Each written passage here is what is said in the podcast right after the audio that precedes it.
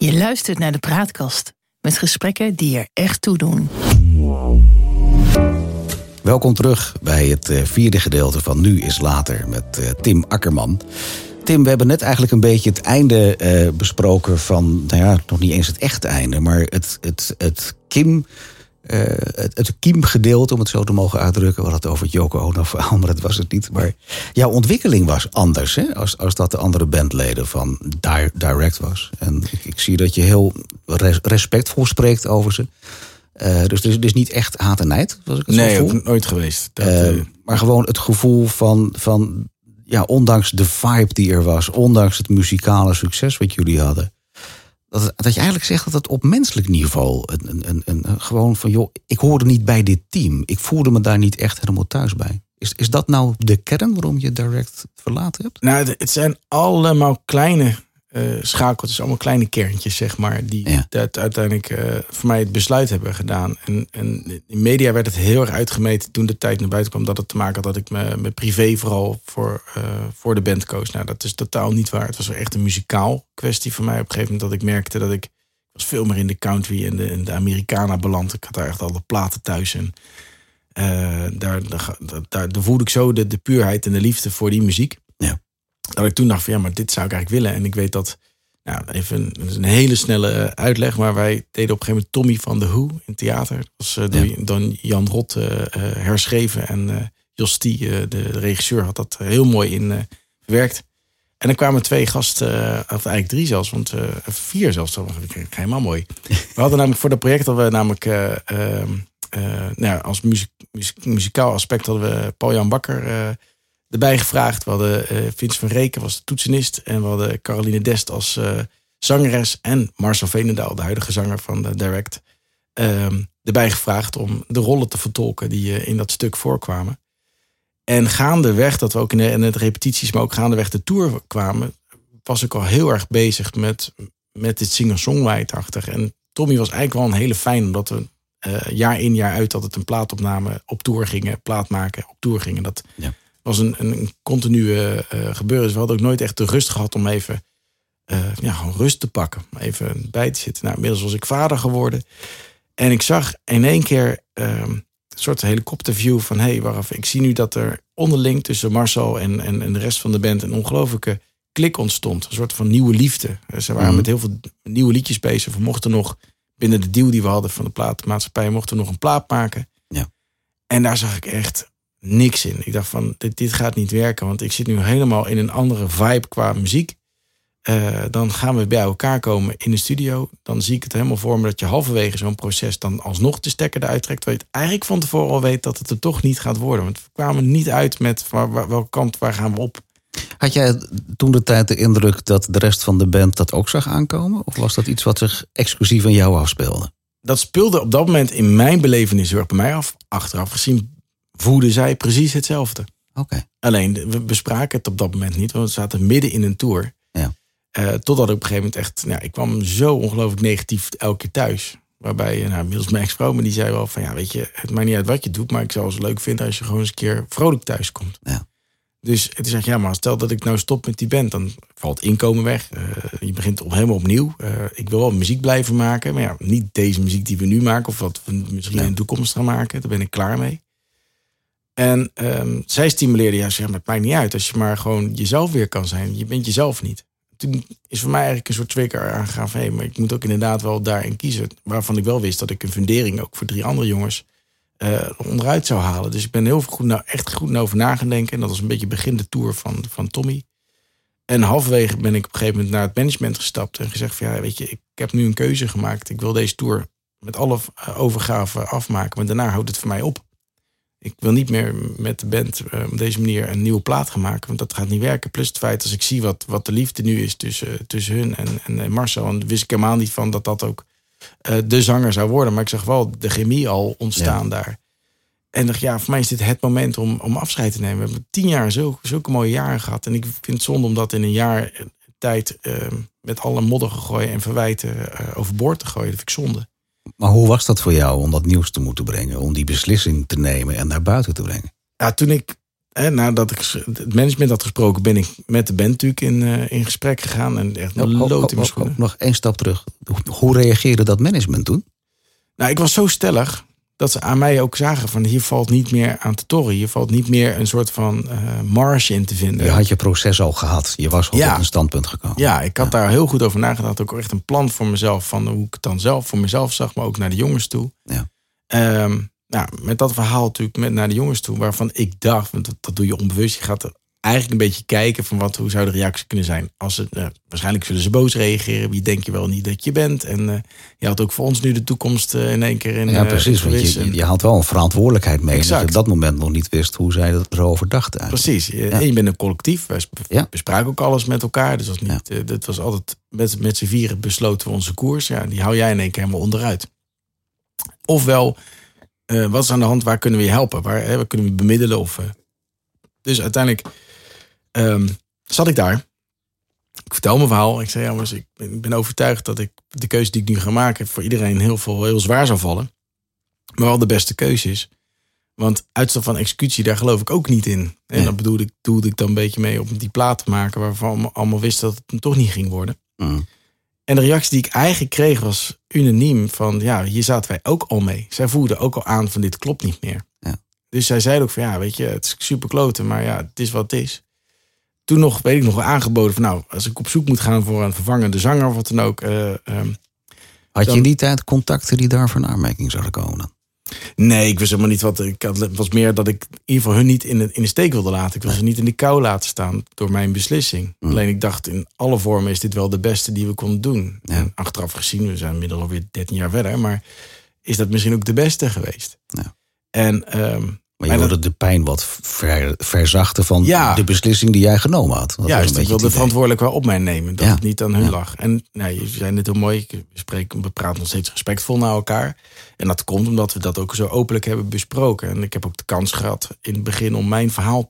Nou, niet helemaal mijn verhaal te doen, maar wel vanuit mij die keuze te laten maken. Ja. He, dat, niet, dat had ook andersom kunnen zijn. Dat ik zeg veel, he, dat ze in de media brengen, joh, we hebben Tim eruit gebonjourd, want dat werkte niet. We hebben nou Marcel gevonden en uh, die wordt een nieuwe zanger. Dus Precies, ja. dat had ook een, dat had een hele andere uh, ja. drive gehad. En nu heb je, nou ja... Het is gewoon letterlijk in goed overleg. Ja, weet je, en, en die keuze lag ook echt bij mij. Het is het, niks naar hun toe. Het, het is een samenhang van allerlei omstandigheden die mij toen hebben besloten om de keuze die nu nog steeds waar ik om 100% achter sta. Nou, dan hebben we het over de huidige band waar ik mee werk, waar die chemie weer wederom is gevonden. En ja, muziek maakt die echt aan mijn hart gaat. En dat uh, was bij Direct de laatste jaren wel uh, verdwenen. Een beetje zoek. Heb jij ooit nog eens een keer samen opgetreden? Ja, ze, uh, 15-jarig bestaan. Oké. Okay. Heb ik nog één keer met hun een aantal liedjes gedaan. Dat was wel echt magisch, want dan merk je meteen dat die chemie en de, de, de, de samenspel. Het dat was dat, er nog. Ja, dat is echt heel gaaf. Ja, mooi om te zien. En het publiek kon het ook erg waarderen. En, uh, maar we hebben ook daardoor denk ik om, niet heel besloten. Of het is niet dat we elkaar hebben gebeld of we uh, een afspraak hebben gemaakt. We gaan niet meer met elkaar uh, iets doen. Hè? We gaan niet meer met elkaar spelen. Maar we hebben gewoon, iedereen heeft zijn eigen pad. En daar voelen we ons uh, lang bij. En ja, ja en daar, daar ben ik ook heel, heel tevreden over. Ja, leuk. Um, eigenlijk hè, was dat voor jou en, en, en voor de overige leden van de band nog steeds een heel cruciaal punt. Want het, het is, jij ging weg. Jij moest voor jezelf individueel wat gaan zoeken. Van ja, maar hoe ga ik mijn toekomst verder invullen? Ja. Ga ik wel succesvol worden als uh, solo of met mijn nieuwe band? Dat was voor Direct niet anders, denk ik. Die, Nee, die hebben ook even zitten zoeken van, van ja, uh, hoe gaan we dit vormgeven? Ja, plus het feit, je bent de frontman. Ja, je bent precies. het gezicht. Je bent Dat- het, het gezicht ervan. Ja. Ehm, met de kennis van nu, hè, terugkijkend naar toen. Was daar in, in jullie omgang een, een, een vorm toch van spanning merkbaar? Omdat het gewoon vanzelfsprekend een spannende tijd was. Ja, die was er, maar toch is dat nooit geëscaleerd in ruzie of meningsverschil. Of dat bijvoorbeeld de laatste shows die we deden ehm, tijdens Tommy, Ja. dat, dat die shows minder werd gespeeld. We, we, we hebben het alle, alles met overgave gespeeld. Alleen je weet gewoon, dit is wel de laatste Ja. keer dat we dit doen. Dit is Ja. de laatste keer dat we dit met elkaar eh, op de, om tafel gaan. De laatste keer dat we met elkaar op, op podium staan. Dus dat, dat is een heel raar, ja, raar gevoel. En toen moest je het zelf doen. Toen eh, ja, stond ik. Ik heb ook heel erg bewust besloten om alles naar me toe te trekken. Dus ik heb ook echt eh, mijn samenwerking met, met, het, uh, met plaatmaatschappij en later ook met management ook verbroken. Omdat ik wilde dat ik opnieuw het wiel wilde uitvinden. Nou, niet eens het wiel uit wilde, maar ik wilde gewoon een nieuw team om me heen. Hoe, hoe stonden ze daarin dat je daar zo in stond? Dat je zei van joh, ik wil echt overnieuw beginnen. Nou, het, het mooie was dat bij de plaatmaatschappij, daar, daar moest ik echt zelf doen. Want dat wilde het de management handen niet aanbranden. Want die hebben natuurlijk bepaalde contacten met elkaar. Dus ik zat er in mijn eentje met de CEO van, van IMI destijds. Ja. En ik zeg heel droog, ja, het kan zo zijn dat ik helemaal geen muziek meer ga maken. Dat ik gewoon heel iets anders ga doen. Dat Mhm. weet ik niet. Mijn gevoel zegt nu dat ik die kant op wil. En ik heb Ja. ook een beetje gekeken in hun catalogus. En daar zat nergens een artiest bij die een beetje linkt aan hetgeen wat ik wilde maken. Mm. Dus ik zei, ja, dan kan je daar een hele investering in gaan doen. Maar dit krijg je nooit meer terug. Ja. En dat vond hij zo'n helder af antwoord. Dat zei van, ja, nou laten we gewoon gelijk eh, het contract ontbinden. En eh, ik wens je heel veel succes. Dus door die eerlijkheid heb ik Dat is wel mooi hè, dat je door heel direct en, en, en eerlijk te zijn hoe je erin staat en hoe je het voelt, dat er eigenlijk hele mooie dingen dan weer plaatsvinden. Ja, precies. En je wordt ook gesterkt Ja. in je eigen Ja. kunnen. Want je, je, je weet dat je wel een, een, een lastig verhaal hebt, een lastig pakket. Want je hebt een contract waar je aan moet voldoen. Maar ja, je had ook geen inkomen dan. Ik had helemaal niks. Nee. Gewoon opnieuw. Dus dat was echt. eh dat was Maar best- even zonder dolle, je, bent- je bent ook maar een mens. Je moet ook eten, drinken, eh, hypotheek, weet ik veel. Ja, klopt. Dat eh, was ook. eh, ik zeg altijd, ik geef wel eens lezingen en dan zeg ik ook de enige zekerheid is de onzekerheid. Maar Ja.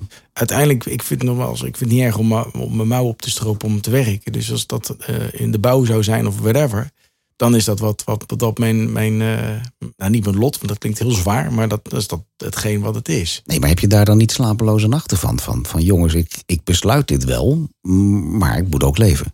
Nou, ik had sowieso natuurlijk met dat ik veel langer al met het proces bezig was. Eh, en sowieso ben ik geen groot uitgever. Dus ik had al wat spaarcentjes op, eh, opzij gezet. Je kon het wel even Dus ik volhouden. kon het, in dat opzicht kon ik het een jaar volhouden. Mhm. Eh, en dat, dat, dat gaf wel ruimte en wat lucht natuurlijk. Maar op een gegeven moment dat dat kleiner werd... en ik uiteindelijk ook besloten heb om eh, mijn mijn albums onder eigen beheer... dus ik heb mijn eigen label opgericht... ja, dan komt het wel een budget bij waar je, die, Ja. die ik ook niet zomaar had. Dus Ja. ik heb wel een lening aangegaan en dat soort dingen. Dus ja, die zijn wel pijnlijk, want dat, die, die rust altijd op je schouders. Die, eh, dat stukje last. Alleen de vrijheid die er tegenover wordt gesteld... is voor mij eh, waardevoller dan, dan dat, dat stukje schuld. Maar je kunt wel met die druk omgaan. Steeds beter. Toen? Ja. Eh, nou, toen had ik het er helemaal niet helemaal echt daadwerkelijk door van wat er gebeurde. En dat heeft ook te maken met een stukje eh, romantisering van met hem. Want direct ging natuurlijk alles zo vloeiend en zo makkelijk. En, en, en de shows werden altijd uitverkocht. Dus dat komt wel. Ja. Hè, daar komen we mee. Maar ik had ook een, een, een stiekem hoop dat er ander publiek op me af zou komen. Die voor de type muziek die ik maakte, eh, voor mij zouden gaan komen. En die kwamen ook. Ja. Van het begin al. En dat had, ik, dat had ik niet aanzien komen. Maar dat zijn wel de mensen die niet in een shirtje van je gaan lopen. Dus ik had bijvoorbeeld eh, aan heel veel, heel veel geld uitgegeven aan merchandise. Ja, ik weet niet welke je maat is, maar ik heb nog een heel mooi shirtje voor je in de auto liggen. Want dat liep niet. Dat ging voor geen meter. Nee, en ik, wat is er dan anders aan het publiek wat je nu hebt? het is eh, het is sowieso niet te klassificeren. Direct was natuurlijk vrij en jong en voornamelijk vrouwelijk eh, Ja. gehalte. En dat is nu zo gemeleerd. Ik heb drie tot vier generaties in mijn zaal zitten die het allemaal heel leuk vinden. Mm. En, eh, en, en daar gaat het mij om. Ik wil gewoon, dat is één missie. Wat ik, hoe groot het publiek ook mag zijn, hoe groot die zaal ook mag zijn. Ik mag, kan ook kleiner groep. maar Ik wil die mensen allemaal met een glimlach naar buiten zien gaan. En dat lukt misschien 90% bij van spreken. Weet je, zo 10% misschien toch zeggen, nou, niet mijn ding, prima, even goede vrienden. Maar ik wil dat mensen oprecht leuk, eh, het leuk hebben gehad bij een optreden van mij. En dat, dat is bij Direct was dat op een gegeven moment voor mij een sport. Om zo ver mogelijk de, de, te, te triggeren. In plaats van dat je op basis van je successen iets teweeg brengt. Maar je geeft niet echt antwoord op mijn vraag. Want je, je, eigenlijk zei jij net van het publiek wat ik nu trek is wezenlijk anders dan het publiek wat ik had. Natuurlijk Ja. hebben we dat over een andere levensfase en, en nou, snap ik allemaal. Maar je gaf daarmee ook aan, en niks te nadelen van, van wie dan ook. Maar wat is dan anders? Want je zegt, ja, het publiek is breed. Ja, dat snap ik. Maar toch zit daar naar jouw beleving een gemene deler in. Wat Nou, is die gemene deler dan? Dat zij puur echt voor de, het muzikale gaan.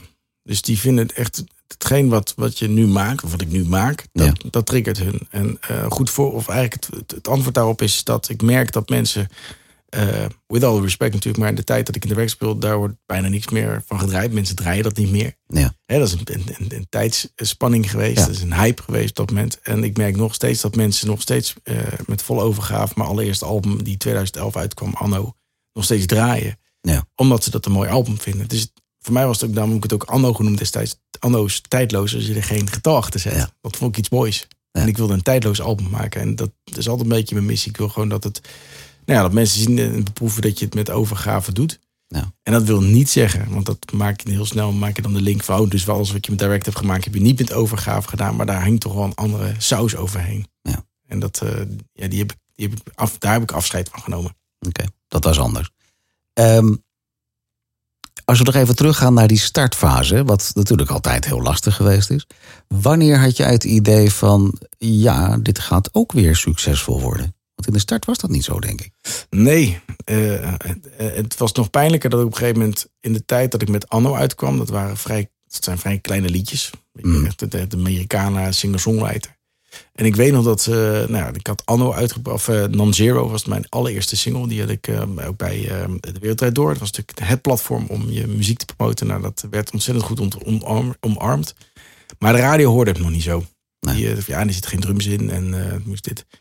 En ik weet nog heel goed dat ze bij 3FM bijvoorbeeld zei van... ja, nee, we zitten niet zo te wachten op singer-songwriter muziek. En echt twee maanden later komt de beste singer-songwriter uit. Ja, toen moest ik heel hard lachen. Ja, ja, dan is het gewoon... En dat is wel misschien, we hadden het een beetje in het begin... Uh, voor mijn deel 1 over, over platenmaatschappijen. Die, die macht en de radio, die is vrij pittig. Ja. Um, en dat wordt ondanks het internet, ondanks Spotify, ondanks YouTube... wordt dat nou niet minder?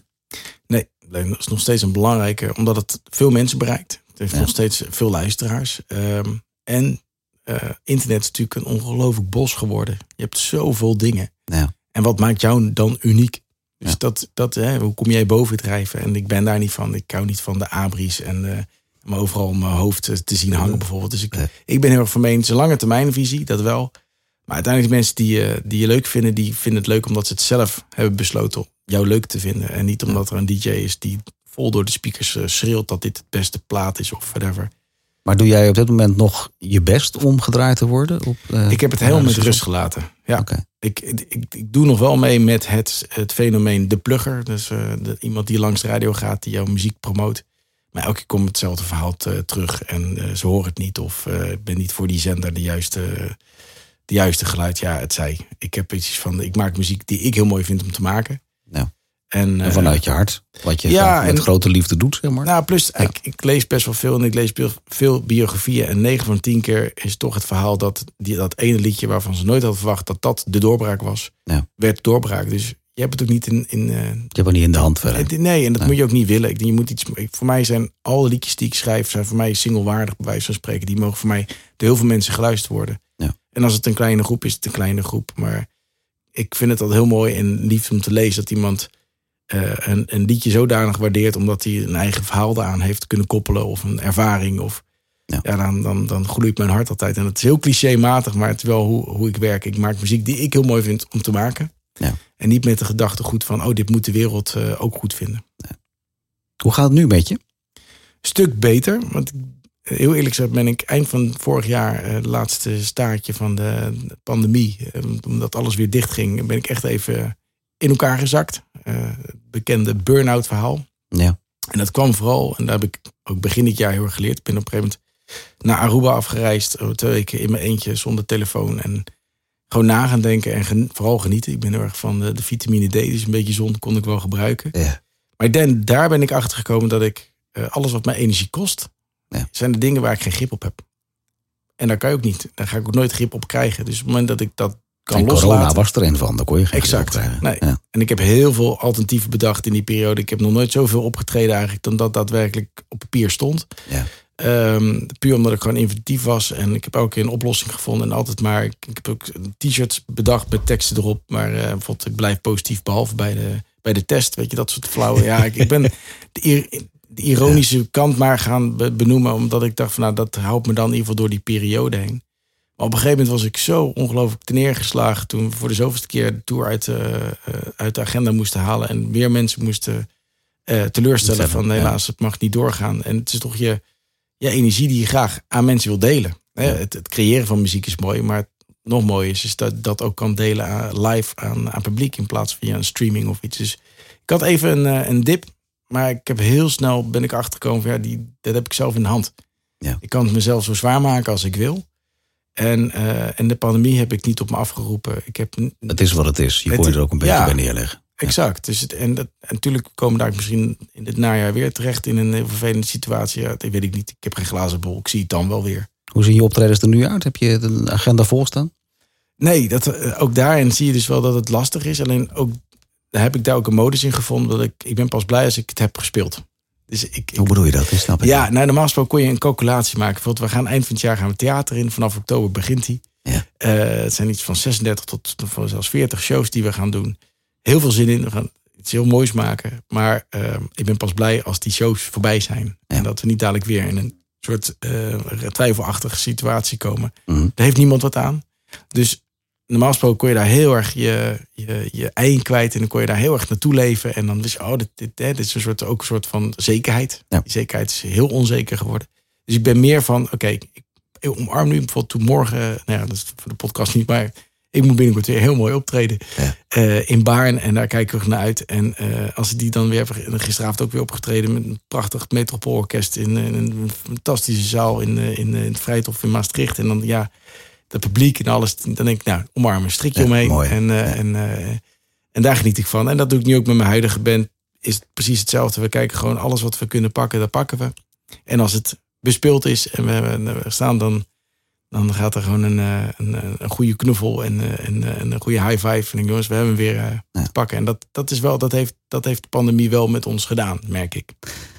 Durf jij eh, een prognose te geven waar bij leven en welzijn eh, Tim over vijf jaar is? 2027, 2028. Wat doe je dan? Ehm, ik denk dat er sowieso twee nieuwe platen dan weer zijn uitgekomen. Mhm. Dat schrijven, dat blijft eh, gelukkig gewoon doorgaan. Ik, ik heb geen writersblok of iets in die eh, trant. Schrijf je Ehm, voor anderen ook of alleen voor jezelf? Ja, nee, ik schrijf ook voor anderen. Ja, ja. Dus dat, dat, dat blijft dat wel eh, al al bestaan. Ehm, en dan, dan kijk ik heel erg individueel naar mijn eigen. Want ik heb mijn wereldje wel vrij klein gemaakt in de afgelopen jaren. Maar dan denk ik dat, nou, dan, dan is mijn dochter bijvoorbeeld inmiddels nou 15. Die wordt dan alweer eh 17, 18. Dus dat gaat dan heel snel. Dus ik weet niet hoe haar leven eruit ziet. Maar je zal waarschijnlijk wellicht een vriendje hebben of iets. Dus de, Mm. de aandacht wordt verlegd van papa naar een andere vent. Dan maar de vraag of papa daarmee kan omgaan. Ja, maar goed. Dat Ja. een nieuwe, eh, nieuwe uitdaging. Nee, dat komt goed. Ja. Ehm, dus het thuisfront zal zeker wat veranderingen hebben plaatsgevonden. Eh, ik heb een hele kleine droom. Daar ben ik wel stiekem mee bezig. Om naar het buitenland eh, deels te gaan wonen. Waar Eh, moet ik aan denken dan? eh, Spanje. Oké. Ja. En dat eh, veel Nederlands trouwens die daar nu over beginnen. is natuurlijk een hele conclave dadelijk daar Ja, eh, ja. naar Spanje toe. Maar dat heeft ook te maken dat ik gewoon, ik ben mijn wereldje heel erg gaan verkleinen. En ik Ja. ben iemand die ontzettend van de zon houdt. En als ik dat mooi kan combineren met eh, het speel eh, ja, hier in Nederland en, eh, en elders in Europa. En ik kan daar mijn, eh, mijn rust en liefde vinden. Dan eh, denk ik dat ik het prachtigste leven heb. Die ik nu al mag leiden, maar dan wordt het nog helemaal verguld. Is dat een mooie afsluiting van deze podcast? Of is het een mooie Ik afsluiting? vind het een hele mooie. En ik heb niet opgeschreven, lieve mensen. Hij komt zo, hij, hij komt zo spontaan Ja, naar boven.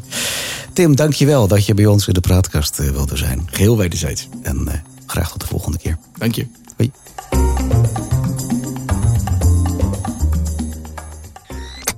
De praatkast.